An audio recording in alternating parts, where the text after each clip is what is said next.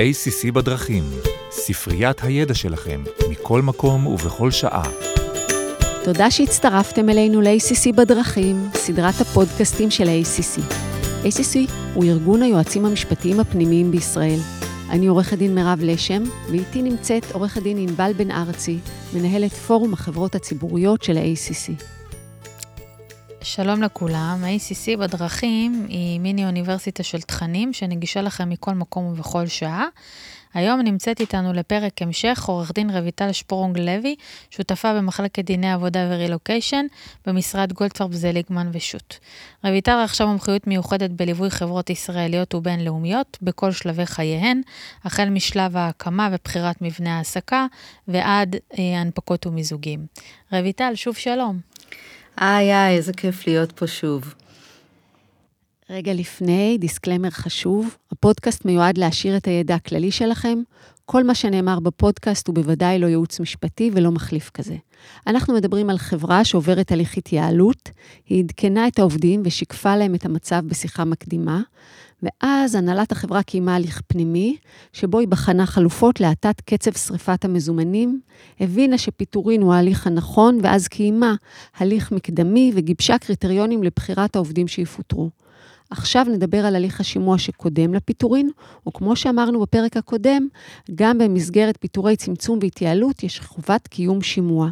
וגם אם במסגרת ההתייעלות משנים את הגדרת התפקיד או משנים את השכר, גם אז חלה חובת שימוע. אז זה נכון, כמו שמירב אמרה, והמשפט, דווקא אני אתחבר ישר למשפט האחרון שלך, כי הוא נורא נורא חשוב וצריך להדגיש אותו. חשוב להבין, זאת אומרת, מרבית היועמ"שים כבר יודעים שבשימוע הוא תנאי הכרחי, יציר פסיקה לפני פיטורים. חשוב להבין ששימוע נדרש בכל הליך שהוא שינוי של אה, מהותי של תנאי ההעסקה של העובדים. זה לא רק בפיטורים. כלומר, נכון. כלומר, אם אנחנו באמת במסגרת ההתייעלות החלטנו עכשיו לחתוך אה, בשכר של העובדים, או לשנות פוזיציות של עובדים, צריך לקיים אה, שימוע. לעתים השימוע הוא פחות פורמלי, הוא במהות שלו מקיים את חובות השימוע ועושים אותו בצורה יותר רכה. אני יכולה להדגיש כבר בפתח הדברים שאנחנו רואים בשנים האחרונות בפסיקת בית הדין לעבודה, שהם לגמרי בוחנים את אה, חובת השימוע בצורה מהותית. אנחנו לא בוחנים את זה בצורה אה, פורמל, פורמליסטית, אה, אלא במהות. גם אם יהיה איזשהו גליץ' קטן, אבל המהות התקיימה, בתי הדין לעבודה לא ימהרו לפסוק כנגד הליך השימוע. עם זאת, מכיוון שהוא תהליך מאוד ישראלי, מאוד, מאוד אה, פרוסס מובנה, אנחנו חשוב לנו היום להדגיש את הדרישות, את הנדבכים השונים שבתי הדין לעבודה העשירו והעמיקו את חובת השימוע, לרבות במסגרת הליך צמצומים.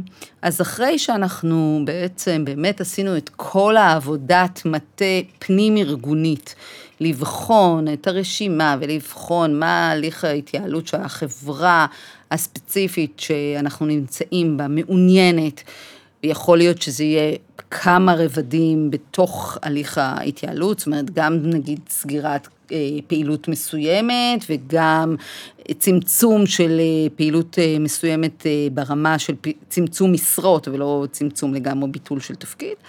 אחרי שנערכנו לכל זה, אנחנו בעצם פנינו מועדות לביצוע, והביצוע מתחיל בהליך השימוע.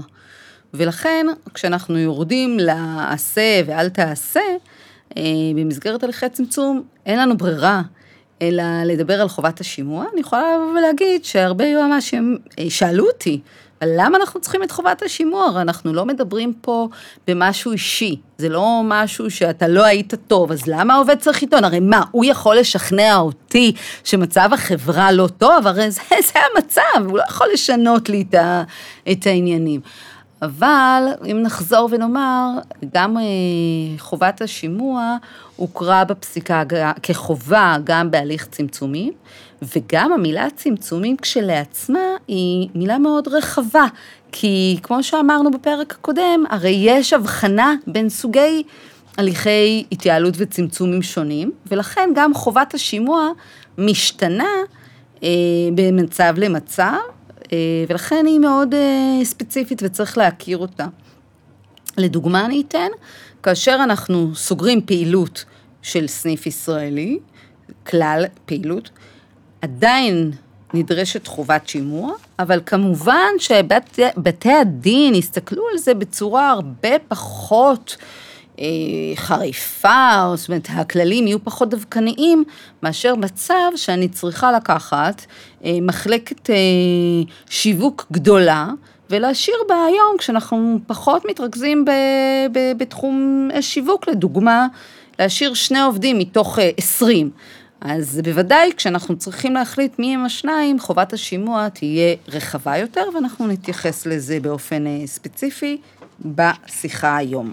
אנחנו גם אה, אמרת, וראינו את זה גם, דיברנו, היה לנו פודקאסט על אה, פרילנס, וגם שם אמרו, אה, הסבירו שמיקי איילון הסביר ש... אתה יכול לעשות, אתה צריך לעשות גם מעין שימוע, הקטע המהותי. הצד השני, זה מה שבית הדין בודק. הצד השני של זה, זה כמו שאת אומרת, זה שאתה עושה את התהליכים הפורמליסטיים האלה, אבל אתה עושה אותם מהשפה ולחוץ, לא יעזור לך. והיה מקרה שאת uh, סיפרת לנו עליו, אני חושבת שזו דוגמה מצוינת, למה כשאתה עושה את כל ההליכים לכאורה, לא יכול לעזור לך אם אתה לא לוקח את השימוע גם בצורה המהותית. המקרה הזה של סבטלנה שסיפרת? כן, אז אה, זה, קודם כל מה שאמרת, אני מסכימה מאוד, כולל עם הנושא של הפרילנסרים, כמו שאמרנו, חובת השימוע, היא, היא, אמרנו, היא לא רק לפיטורים, והיא הורחבה אה, בעצם מבחינת יועמ"שים, נכון יהיה להבין שה, שגם אם אנחנו בצמצומים לפעמים גם של התקשרויות עם, אה, עם פרילנסרים, שזה מאוד נכון, והעלית נקודה מקסימה, שאם יש איזשהו אפילו חשש שאולי אנחנו מצמצמים כחלק מתהליך ההתייעלות עם קונסלטנטס אה, כאלה ואחרים, נכון יהיה לעשות תהליך מעין שימוע כדי לא לחשוף את החברה לתביעות להליך לא תקין, כי תהיה, יהיה איזשהו גלגול של טענה של uh, הכרה ביחסי עבודה, ובמסגרת זו אי קיום שימוע, והתחלנו במקום של צמצום כלכלי, ומצאנו את עצמנו בזירה של uh, פיטורים uh, שלא כדין. כן, אבל אז זה אומר מהתהליך... שאנחנו מתייחסים לכל פרילנס כאל עובד, אז מה ההבדל בין השניים? לא, אנחנו לא נתייחס לכל פרילנס, אנחנו יודעים את מערכת היחסים, ואנחנו, וברגע שאנחנו עושים תהליך של מעין שימוע, לדעתי, מעבר... את אומרת לעשות את זה רק בהליכי התייעלות, זאת אומרת... לא, אני לא אומרת את זה רק בהליכי התייעלות, אני חושבת שנכון יהיה, הרי עיקרון... לא, אני מתכוונת לפרילנס, את אומרת לעשות אה, בהליכי התייעלות שימוע, שלא הייתי עושה, אם סתם דוגמה, לא הייתי בתהליכי התייעלות, וסתם לא, לא, לא, לא רוצה לא, לעבוד לא עם בהכרח, לא בהכרח, אני אומרת, הרי חובת השימוע, היא הגיעה מעיקרון תום הלב. אז בוודאי ובוודאי שיש אה, יש מצבים של התקשרויות עם יועצים, שיש לנו אה, ידיעה ליועמ"שים שיש יותר חשיפה לטענות ליחסי עבודה.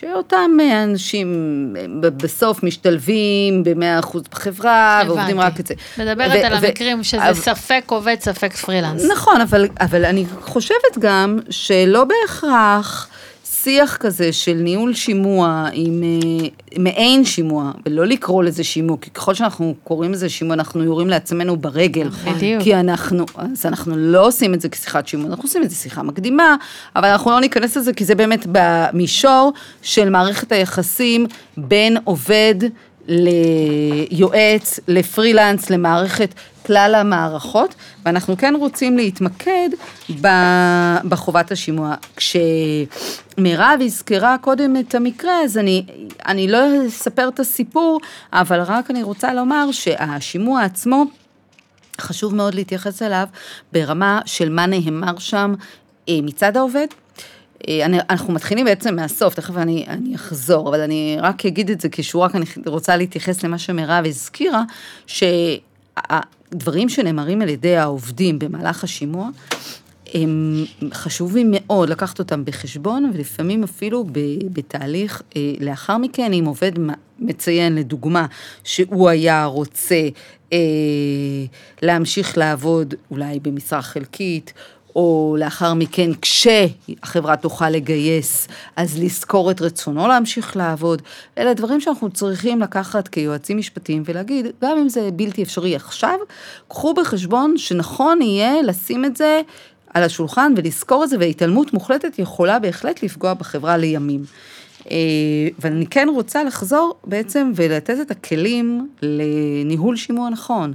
אז אה, עולות הרבה הרבה שאלות אה, על ידי יועמ"שים, ואנחנו ננסה לפרוט אותם, קודם ככה נזרוק את זה. אז כמה זמן יש להמתין בין הזימון לשימוע לישיבת שימוע עצמה, האם יש לידע את העובד כי הוא זכאי להגיע לשיחת השימוע בליווי עורך דין או אדם מטעמו, מי נוכח בשימוע, האם לגיטימי או האם הוא חוקי לבצע שימוע טלפוני, זום, כתב, אה, דחיית אה, מועד השימוע, מה אנחנו עושים במקרה של אה, מחלה, יש רצף שאלות רב בנושא השימוע, ולכן אנחנו נתחיל לפרוט אותו. אז כך, התהלך, השלב החשוב ביותר לחברה זה הליך הזימון לשימוע.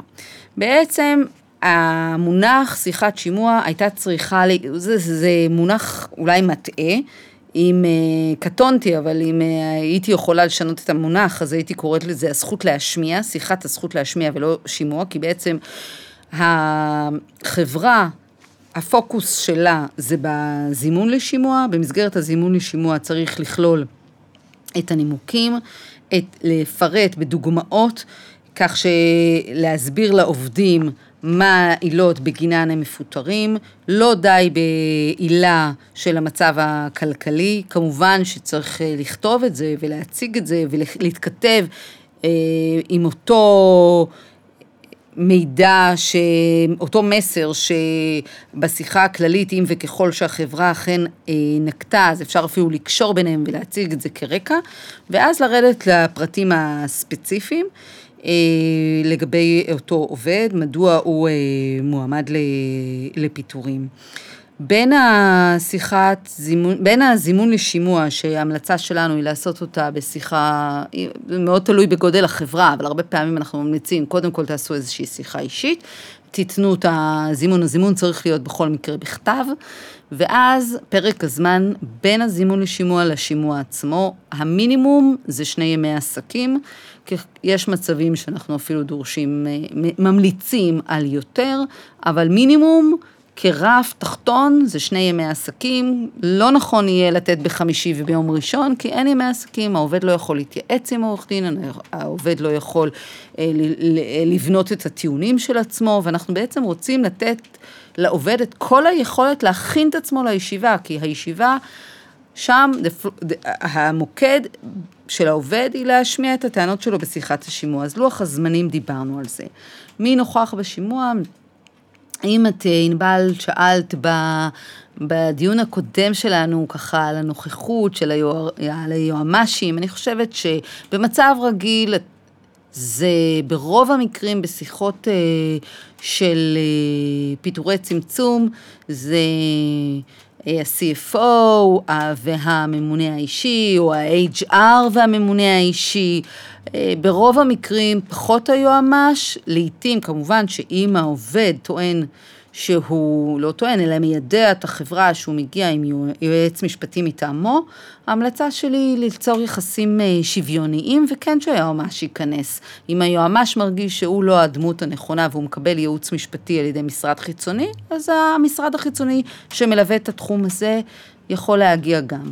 אבל באופן כללי, הנציגים צריכים, רצוי המלצה שלי שיהיה יותר מנציג אחד מהחברה, כדי שלא יהיה שם איזושהי אי הבנה או, או המילה כנגד מילה, ובכל מקרה מאוד מאוד חשוב, שחובה לקחת פרוטוקול אה, מהשימוע, זאת אומרת, לרשום פרוטוקול, ואם אנחנו ככה מהעולם של ענבל, אנחנו לא מדברים על פרוטוקול כמו board resolution שהוא קצר, שהוא resolved שתי שורות, אלא כשאני מדברת על פרוטוקול של שימוע, הרעיון הוא שאם לימים נצטרך חס וחלילה שצד ג', קרי שופט, יקרא את זה, הוא יהיה, יקבל תמונה מלאה של מה היה בשימוע, מה העובד טען, איזה סיבות הוא העלה. למסור את הפרוטוקול? צריך לעובד? למסור את הפרוטוקול, כן. יש אה, נושא נוסף שחשוב מאוד מבחינת לוח הזמנים. הרבה פעמים עובדים מבקשים לדחות בין אם בשל מחלה לאחר הזימון, שאנחנו נתקלים בזה הרבה פעמים, ובין אם הם רוצים להתייעץ.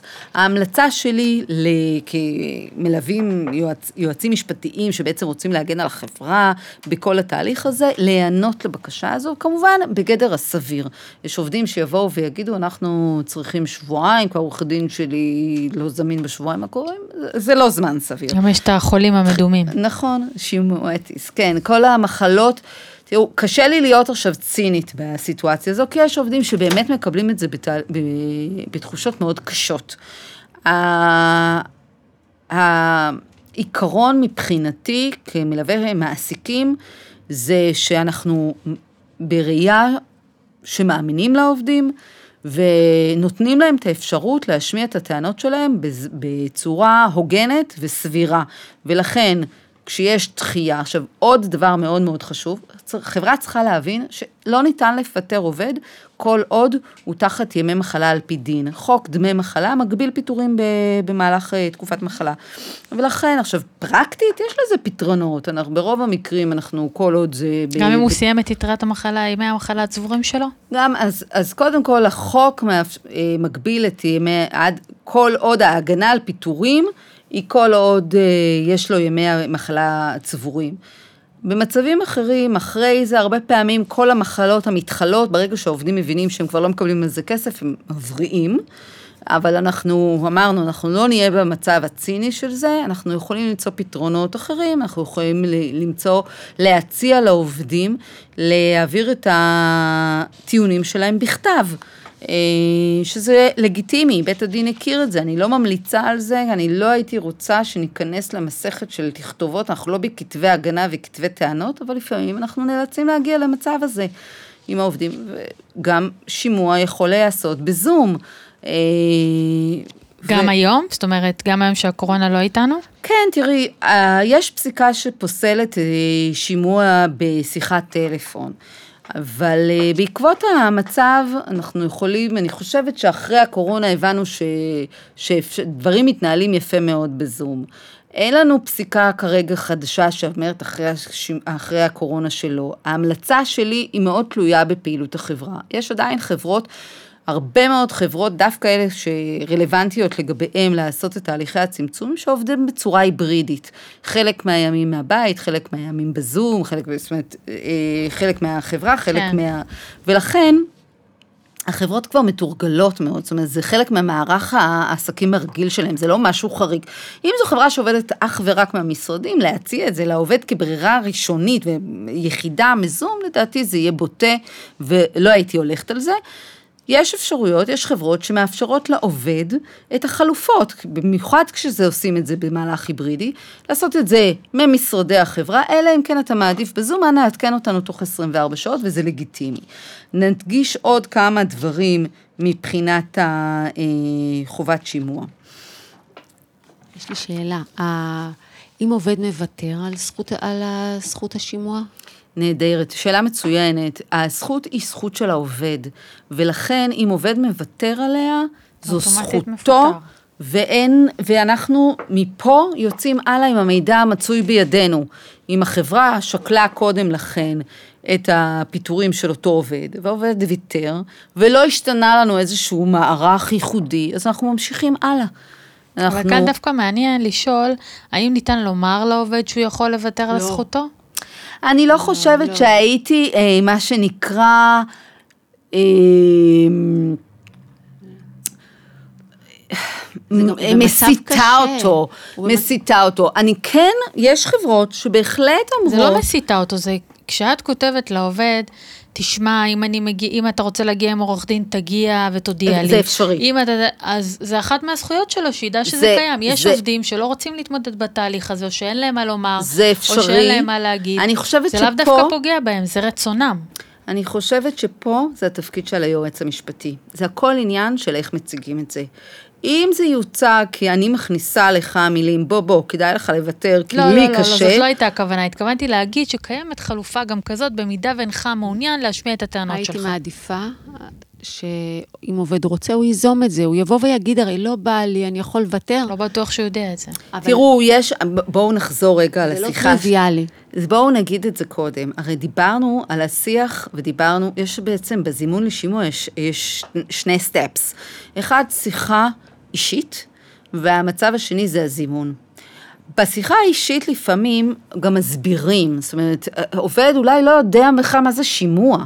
הזימון לשימוע לא מסביר מה זה שימוע, ובשיחה האישית אתה מסביר, זו זכות שלך, אם אתה מעוניין בה, אתה יכול לוותר עליה, אבל אנחנו כחברה עושים את התהליך בצורה, נותנים את מלוא הכבוד לך כעובד, ובתהליך הזה אפשר לעדכן את הדברים, כן, לתת בצורה שאת תיארת, זה צבע. לא נשמע שאנחנו שוללים זכות, אלא רק מציגים לו את- החלופות. ולכן אנחנו מאוד, תראו, בסופו של דבר. בסופו של דבר, הליך שימוע, גם הוא מאוד תלוי חברה. כשאנחנו נאלצים עכשיו לפטר 150 עובדים, התהליך יהיה מעט שונה במציאות, מאשר אה, כשאנחנו מפטרים עכשיו בחברה שמפטרים 20 אנשים. וגם בזימון לשימוע, הרבה פעמים חברות באות ואומרות לי, לי יש 150 עובדים, אני לא ארד לביטן בית של כל עובד את הסיבות האישיות, כי זה 150 עובדים. ואז היועץ המשפטי, זה תפקידו, להגיד לאותו מנכ"ל, להגיד לו, אתה מנהל את הסיכונים המשפטיים שלך, ואם אתה רוצה ליצור איזשהו פורמט אחיד לכלל ה-150 איש, סתם לשם הדוגמה, אין לי, זה לא ה-518 של חוק שכר שווה, אבל אם אנחנו רוצים ליצור איזשהו פורמט, אחיד, ובמהלך השימוע עצמו, אם העובד ישאל, ישאל why me לפרוט בפניו, זה העניין של ניהול סיכונים. למה? בואו נבין את זה ברמה המשפטית, כי אם הוא שואל why me ואני אז נוקטת את הסיבות האישיות, לעובד ברמה המשפטית יש זכות אחרי, הוא פעם ראשונה שומע את זה, אז בעצם יש לו זכות להשלים טיעון. הרבה פעמים עולים דברים, ואנחנו באים ואומרים, והעובד בא ואומר, אבל זו פעם ראשונה שאני שומע על זה. לא נפלו השמיים, אנחנו מדברים גם במישור הפרקטי, אפשר לבוא ולומר במצב כזה, אין בעיה, אתה תרצה להשלים טיעונים, אתה תרצה לבוא ולהגיד על הדברים האלה דברים נוספים, תציג לנו אותם מחר, מחרתיים, אתה יכול להעביר לנו אותם בכתב, ואז אם אנחנו חוזרים לאותה שיחה ראשונה של המהות, המהות תתגבש. זאת אומרת, יש לנו לזה באמת אפשרויות של מנעד, של איך אנחנו מייצרים את הכללים הנדרשים, שברור שהדבר הדבר הטוב ביותר ליועץ המשפטי זה שיהיה לכל עובד את המכתב המאוד פרסונלי. אני אגיד לכם מעולם הפרקטיקה, מעולם הפרקטיקה, ברוב המקרים אנחנו רואים בפיטורי צמצום מספר פורמטים. אנחנו עושים את הניתוח, אם עשינו בפודקאסט הקודם איזה תהליכים אנחנו עושים, אנחנו רואים שכשמבטלים תפקידים יש איזשהו פורמט של ביטול תפקיד, אנחנו רואים אם אנחנו צריכים לעשות איזשהו צמצום, אנחנו כן נוק, נוקטים ומפרטים את הסיבות האישיות, אם אנחנו מבטלים לגמרי מחלקה, אז זה פורמט ספציפי של ביטול כל המחלקה אליה אתה משתייך. ולכן יש לזה התאמות. חזרנו ואמרנו עוד כמה דגשים לשימוע, זה כמו שאת ציינת ענבל, אם לידע אותו בחובות שלו, אז אחד הדברים שחשוב לידע במסגרת הזימון לשימוע, לדוגמה, זה שיש לו זכות להיות מיוצג. זה דבר שאנחנו מאוד ממליצים לכתוב, גם בהליכי צמצום. ו...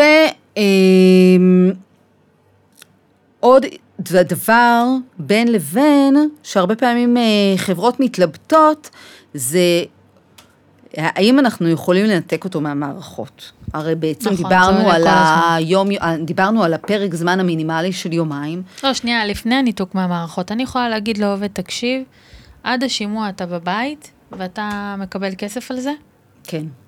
אין עם זה בעיה. זה כן, אבל ניתוק זה משהו אחר. אנחנו, לא, שנייה, זה בשלב הראשון. אנחנו, בשלב וזה השני... גם נורא עניין ששוב, איך אנחנו מציגים את הדברים?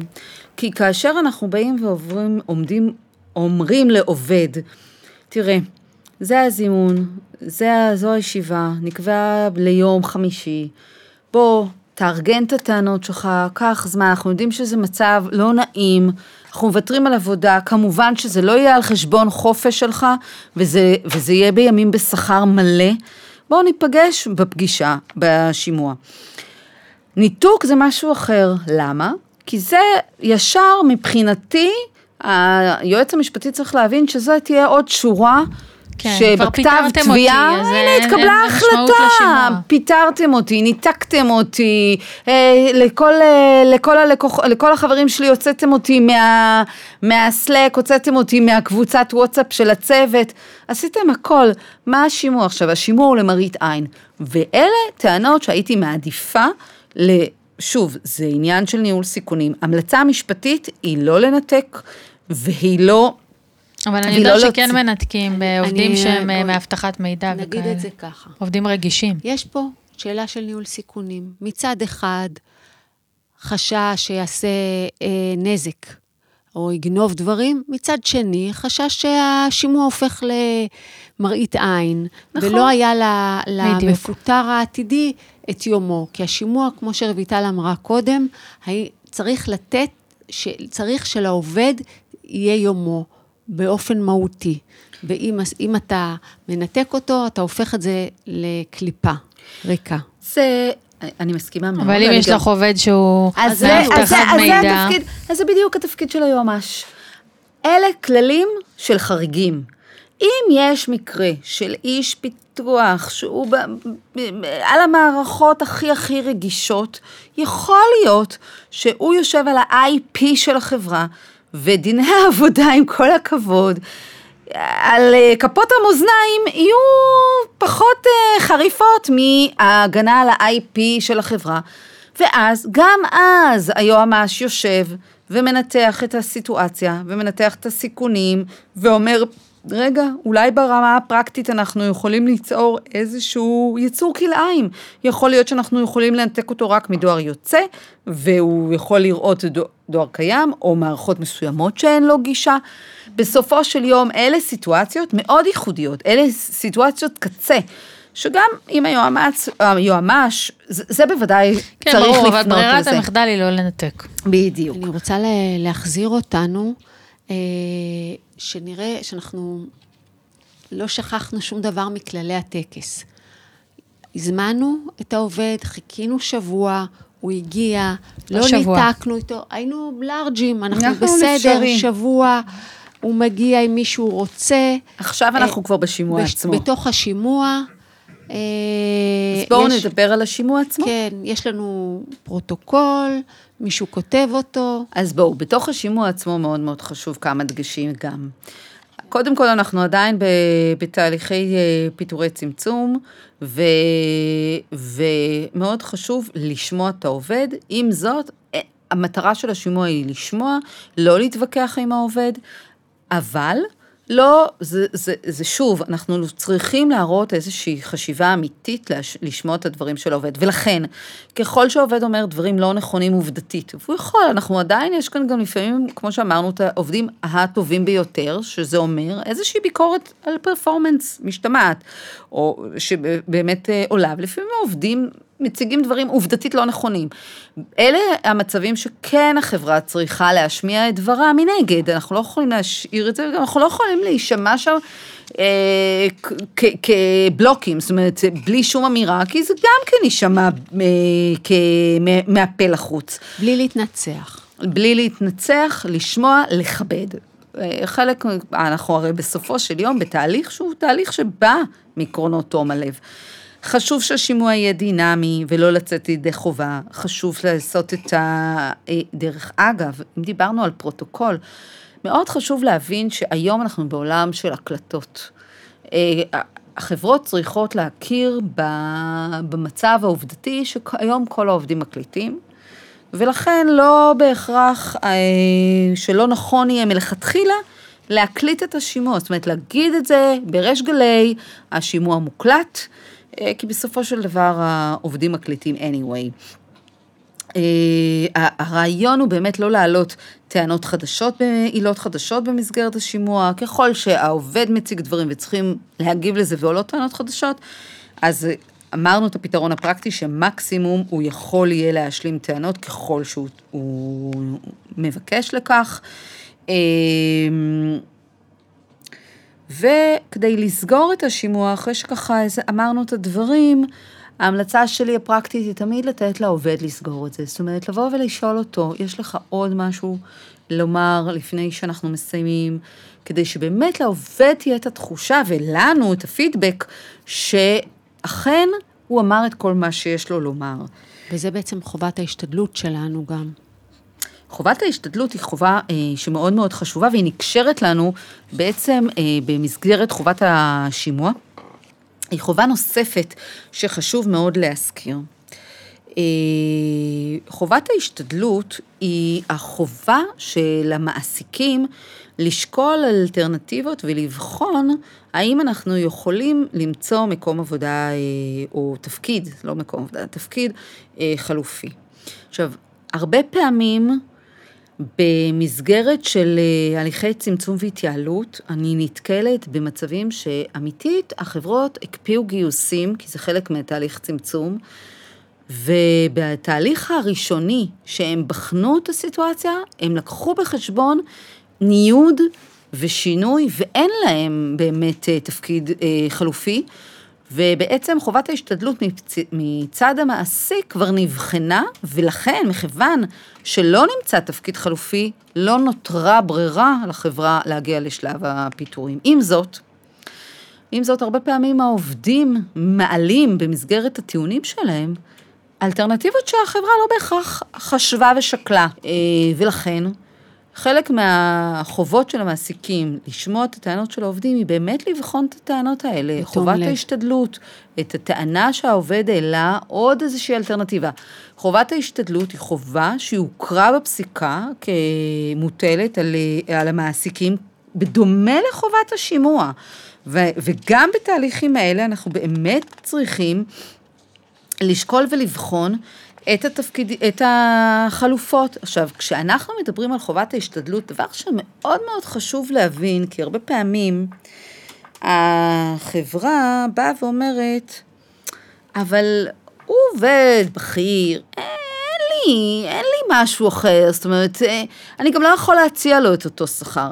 חובת ההשתדלות היא לאו דווקא להישאר באותו תפקיד, זאת אומרת, עובד שהוא פחות טוב, בתפקיד מסוים, הוא היה הפחות טוב בצוות הזה, אבל יש תפקידים זוטרים, הוא זה שיחליט האם הוא אה, מעוניין בתפקיד הפחות, או בשכר פחות, או לא. זאת אומרת, חובת ההשתדלות היא לאו דווקא לשמור על אותו תפקיד ובאותם תנאים. עצם זה שאפשרתם והצעתם לעובדים אה, חלופה אחרת לפיטורים, היא קיימתם את חובת ההשתדלות. וגם לא בהכרח שזה יצא לפועל, זאת אומרת, לא בהכרח שהעובד ירצה, או לא חייבת, זה לא מבחן תוצאתי. זה באמת הבחינה הזו והשקילה הזו מצד המעסיק למצוא חלופות, מתכתב לנו עם השיחה הקודמת, חלופות פחות פוגעניות אה, למצב הזה של חובת ההשתדלות. אה, היה לנו את השימוע. חשבנו על הכל, ויכול להיות שיש טענות שאנחנו, שהוא אומר ואנחנו לא מתייחסים אליהן באותו רגע, כי אנחנו צריכים לחשוב ולחזור, ואז איך אנחנו... אז, אז ככה, יש, קודם כל, אה, את אומרת משהו יפה, שיש טענות שאנחנו צריכים לחשוב עליהן. הרבה פעמים עולות לנו טענות שמפתיעות אותנו. טענות שלא ידענו. אני אקח את המקרה השכיח, שעובדת לא רצתה לגלות שהיא בהיריון, כי היא בתחילת הדרך, אבל עכשיו שהצמידו אותה לקיר, והיא נמצאת בהליך שימוע, אין לה ברירה, היא, היא באה ומספרת, חברים, אני יודעת שזה לא, אבל, אבל תתחשבו בי, אני נמצאת בהיריון, בטיפולי פוריות, בכל מיני מצבים מוגנים, ואני מגלה לכם את זה עכשיו. עכשיו, הרבה פעמים יועמ"שים אה, נתקלים בבלקאוט, זאת אומרת, הם, הם לא ידעו את זה, הם לא יודעים איך להמשיך. מותר להם להמשיך את השימוע, אסור להם להמשיך את השימוע. אז קודם כל, מכיוון ששימוע הליך מקדמי ולא החלטה, מותר להמשיך בשימוע. ההמלצה שלי היא לבוא ולהגיד, כמובן, זה, זה, אני לא, לא פסיכולוגית עכשיו ולא אומרת, אבל בואו ניקח את הדוגמה הזו, אז אינטואיטיבית כנראה תגיד, כבאדם לאדם, בשעה טובה, תודה שהידעת אותי במידע הזה, לא ידענו עליו קודם לכן, נרשום אותו, נשקול אותו, אנחנו כחברה נתייחס לזה בנפרד, כי אנחנו צריכים ללמוד אותו. אבל את השימוע אפשר להמשיך כסדרו. אה, זה מאוד מאוד חשוב. אה, אם עולות באמת טענות כאלה, ואתם לא יודעים, זאת אומרת, אה, לא תמיד כל סט הכישורים המשפטיים אצל היועמ"ש, בכל התחומים הוא יודע, זה בסדר לבוא ולהגיד, אני רושמת לעצמי את זה, אני צריך להתייעץ עם זה, אני צריך לבדוק את זה. אנחנו נחזור, וכמובן, כל מידע שאתה אומר, לרבות המידע הזה, יילקח בחשבון. קחו בחשבון, כמו שאמרתי, שזה בסך הכל שימוע, אנחנו בעצם בשמיעת הדברים ואנחנו לא בהחלטה. גם ככה יש למעביד זמן לשקול את הדברים. בדיוק. עכשיו אנחנו אחרי השימוע. אחרי השימוע... רגע, כמה זמן מהשימוע ועד התוצאות? תראו, קודם כל, לא נכון יהיה במהלך השימוע להגיע לאיזושהי החלטה. גם אם העובד בא ואמר דברים לא רלוונטיים. אמר, אני מסכים איתכם, אני מקבל הכל, מה שתחליטו, זאת אומרת, זה הצד האחר, זה רלוונטי, מה שתחליטו זה מקובל עליי, הכל בסדר. אל, ת, אל תיידעו את העובד בהחלטה בעת שיחת השימוע, תשמרו את הכבוד הנדרש לכל שלב בתהליך. גם מבחינת להגן על העובד וגם כמובן להגן על החברה. למה? כי יש שימועים, אנחנו מדברים על תהליך רוחבי, אנחנו לא מדברים על תהליך פרסונלי. יכול להיות שיתגלגלו עוד דברים שאנחנו נצטרך לקחת בחשבון במטריצה של כלל העובדים. ולכן, פרה פרה. תגמרו תהליך שימוע, הזמן המינימלי הוא יום למחרת. לפעמים יש נסיבות שאתם באמת צריכים לשקול, זאת אומרת, יש בדיקות, צריך להתייעץ עם יועצים משפטיים חיצוניים. זאת אומרת 24 שעות? 24 שעות זה הזמן הנכון, המינימלי, המינימלי, להחליט. עכשיו, מצד שני, גם זה לא יהיה נכון למשוך, כי קחו בחשבון שהחבל כרוך על, על, על צווארו של העובד. לא יהיה נכון להתעלם מהטענות שלו ולמשוך אותו עכשיו שבוע בחוסר ידיעה מה עתידו. ולכן נכון יהיה לעשות את זה בתהליך קצר, תהליך יעיל ותהליך מכבד. אמ, כשאני מדברת על, במצב הטבעי זה יום למחרת, במצב שדורש יותר עיון ושיקול ובדיקה משפטית כמה ימים. שימו לב, דבר מאוד מאוד חשוב, שיש מצבים שאתם בכלל לא יכולים להגיע להחלטה. זאת אומרת, עכשיו אנחנו הרי בהחלטה, אנחנו מדברים על כמה זמן... זה יהיה רוחבי. אנחנו, אנחנו לפעמים, אנחנו בברקסים. זאת אומרת, לדוגמה, אותה עובדת, שדיברנו, שידעה אותנו שבהיריון, עם כל הרצון הטוב, צריך אנחנו, היתר. בדיוק, אנחנו נכנסים לפעמים למערך שלא ידענו, ואם אותו חברה גלובלית שרוצה לעשות את זה מהר, מהר, מהר, יש מצבים, או אותו עובד שמקודם ענבל את הזכרת, אותו עובד שחולה, כל ימי המחלה, אנחנו לא יכולים בתוך מחלה. אנחנו, לעובדת בהיריון אנחנו צריכים לקבל היתר, לעובד בטיפולי פוריות, עובד או עובדת בטיפולי פוריות, אנחנו צריכים לקבל היתר. אה, אם העובד, ב, אני כורכת את זה ומחברת את זה למירב, מה שאת שאלת אותי בהתחלה על שימוע זכות העובד. גם כל ההגנות האלה זה זכויות של העובדים. אז אם עובד יבוא ויגיד, תבינו, אני מבין את המצב, אני מבין את המצב הכלכלי, אני מבין שאתם סוגרים את המחלקה, אני לא יושבת על, ה, על קרנות המזבח ונאחזת בהם רק בגלל שאני בהיריון, אני לא רואה את זה כתהליך הוגן, אני מוכנה להתפטר, אז זה פשוט. אבל ברוב המקרים אנחנו לא בהתפטרות, כי היא גם רוצה לחתום אחרי זה אבטלה, ולא להמתין, וזה הכל בסדר. זאת אומרת, אני באמת רואה את זה בצורה הוגנת עם כל הכיוונים. לפעמים אנחנו מגיש, מגישים בקשת היתר לממונה אה, לפיטורי עובד בטיפולי עובד, עובדים מוגנים, או נקרא להם בשפה רחבה, בהסכמה, בשיתוף פעולה. עדיין זה דורש את ההיתר, עדיין זה דורש זמן, ואין איתור, אישור רטרואקטיבי. אבל, עד, אבל אז לפחות העובד יודע שאנחנו פונים ובהסכמה, ואנחנו לא מחזיקים אותו באי ודאות. נכון. אני, במצבים כאלה, אנחנו מדברים על, אנחנו מדברים על שיקוף, כי בכל מקרה אנחנו בסיטואציה שצריכים... אה, אה, את כל התהליך הזה לעשות ביחד. בעצם הגענו לשלב של הסיום. הגענו בעצם לשלב של ההחלטה, שאנחנו משקפים לעובדים את ההחלטה, ההחלטה צריכה להיות בכתב, ההחלטה צריכה, אה, אני מדברת על החלטת הפיטורים אחרי השימוע, ההחלטה צריכה להיות אה, מנומקת.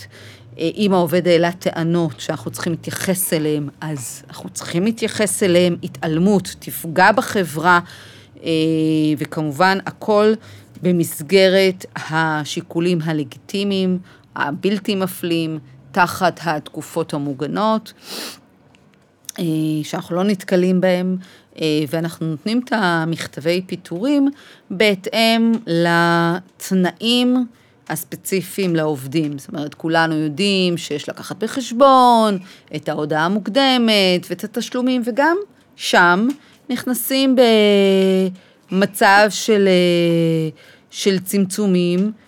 עוד מערך ניהולי שאנחנו צריכים לחשוב, האם אנחנו צריכים את העובדים על הפיירול שיש לזה עלויות, אנחנו לא רוצים אותם על הפיירול, עוד מערך ניהולי שאנחנו צריכים לחשוב רגע לפני שאנחנו מנסחים את המכתב ומסיימים בזה בעצם את כל התהליך הזה אה, של ה-reduction in force או פיטורי אה, צמצום והתייעלות. לפני שאנחנו משחררים אותם לדרך, ולמרות שעברנו את הזמן שלנו הרבה אחרי, שתי מילים רק תגידי לנו מה עושים עם התוכניות תגמול. מילה ככה, כי זו שאלה, זה הרבה, בהרבה חברות, בסטארט-אפים זה עולה השאלה הזאת. תראו, במצב הרגיל, האופציות אה, לא אמורות להניע או לא להניע אה, אה, שיקול של פיטורים של עובד זה או אחר, יש על זה פסיקה. גם עם מייקרוסופט, יש, יש, יש מספר פסקי דין שמדברים על כל הנושא של אופציות, ממש בדקה.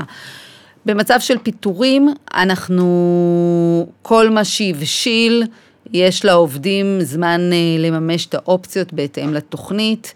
אה, מצבים שממש מספר ימים לפני הבשלה של, נניח ההבשלה הראשונה של הקליף הראשון של 25 אחוז, לפעמים חברות מהניס... בפרקטיקה כן לוקחות את זה בחשבון, אה, לוקחות את זה בחשבון אם הם יאריכו את תקופת ההודעה, כדי לא ליצור מצבים של... אה, פגיעה. פגיעה בעובדים.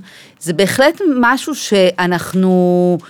אה, בסופו של יום, וגם זה במסגרת הניהול סיכונים שחברות יכולות אה, לבחון אה, במערך הזה. זאת אומרת, המצב הטבעי הוא שמה שהבשיל הוא זה שבר מימוש. אם אנחנו ממש ימים בודדים לפני קליף מהותי, אז uh, רצוי uh, להכיר את זה ולעשות על זה איזושהי, חש... איזושהי חשיבות, במיוחד לדוגמה, אם אנחנו עושים חלף הודעה מוקדמת וכך מונעים את ה cliff, זה משהו שיכול להרים דגל מאוד אדום מצד אה, תביעות של עובדים. אני אגיד מהניסיון שלי, מההיכרות עם הרבה תוכניות תגמול, שבהרבה מהן יש מנגנון של אקסלרציה במקרה של פיטורין, אבל את צודקת שאם המנה עוד לא הוקצתה, אז זה לא יסייע. אני רוצה להגיד לך תודה רבה, זה היה פודקאסט מאוד מאוד דחוץ, מלא מלא אינפורמציה, ושלא תצטרכו חמסיקה.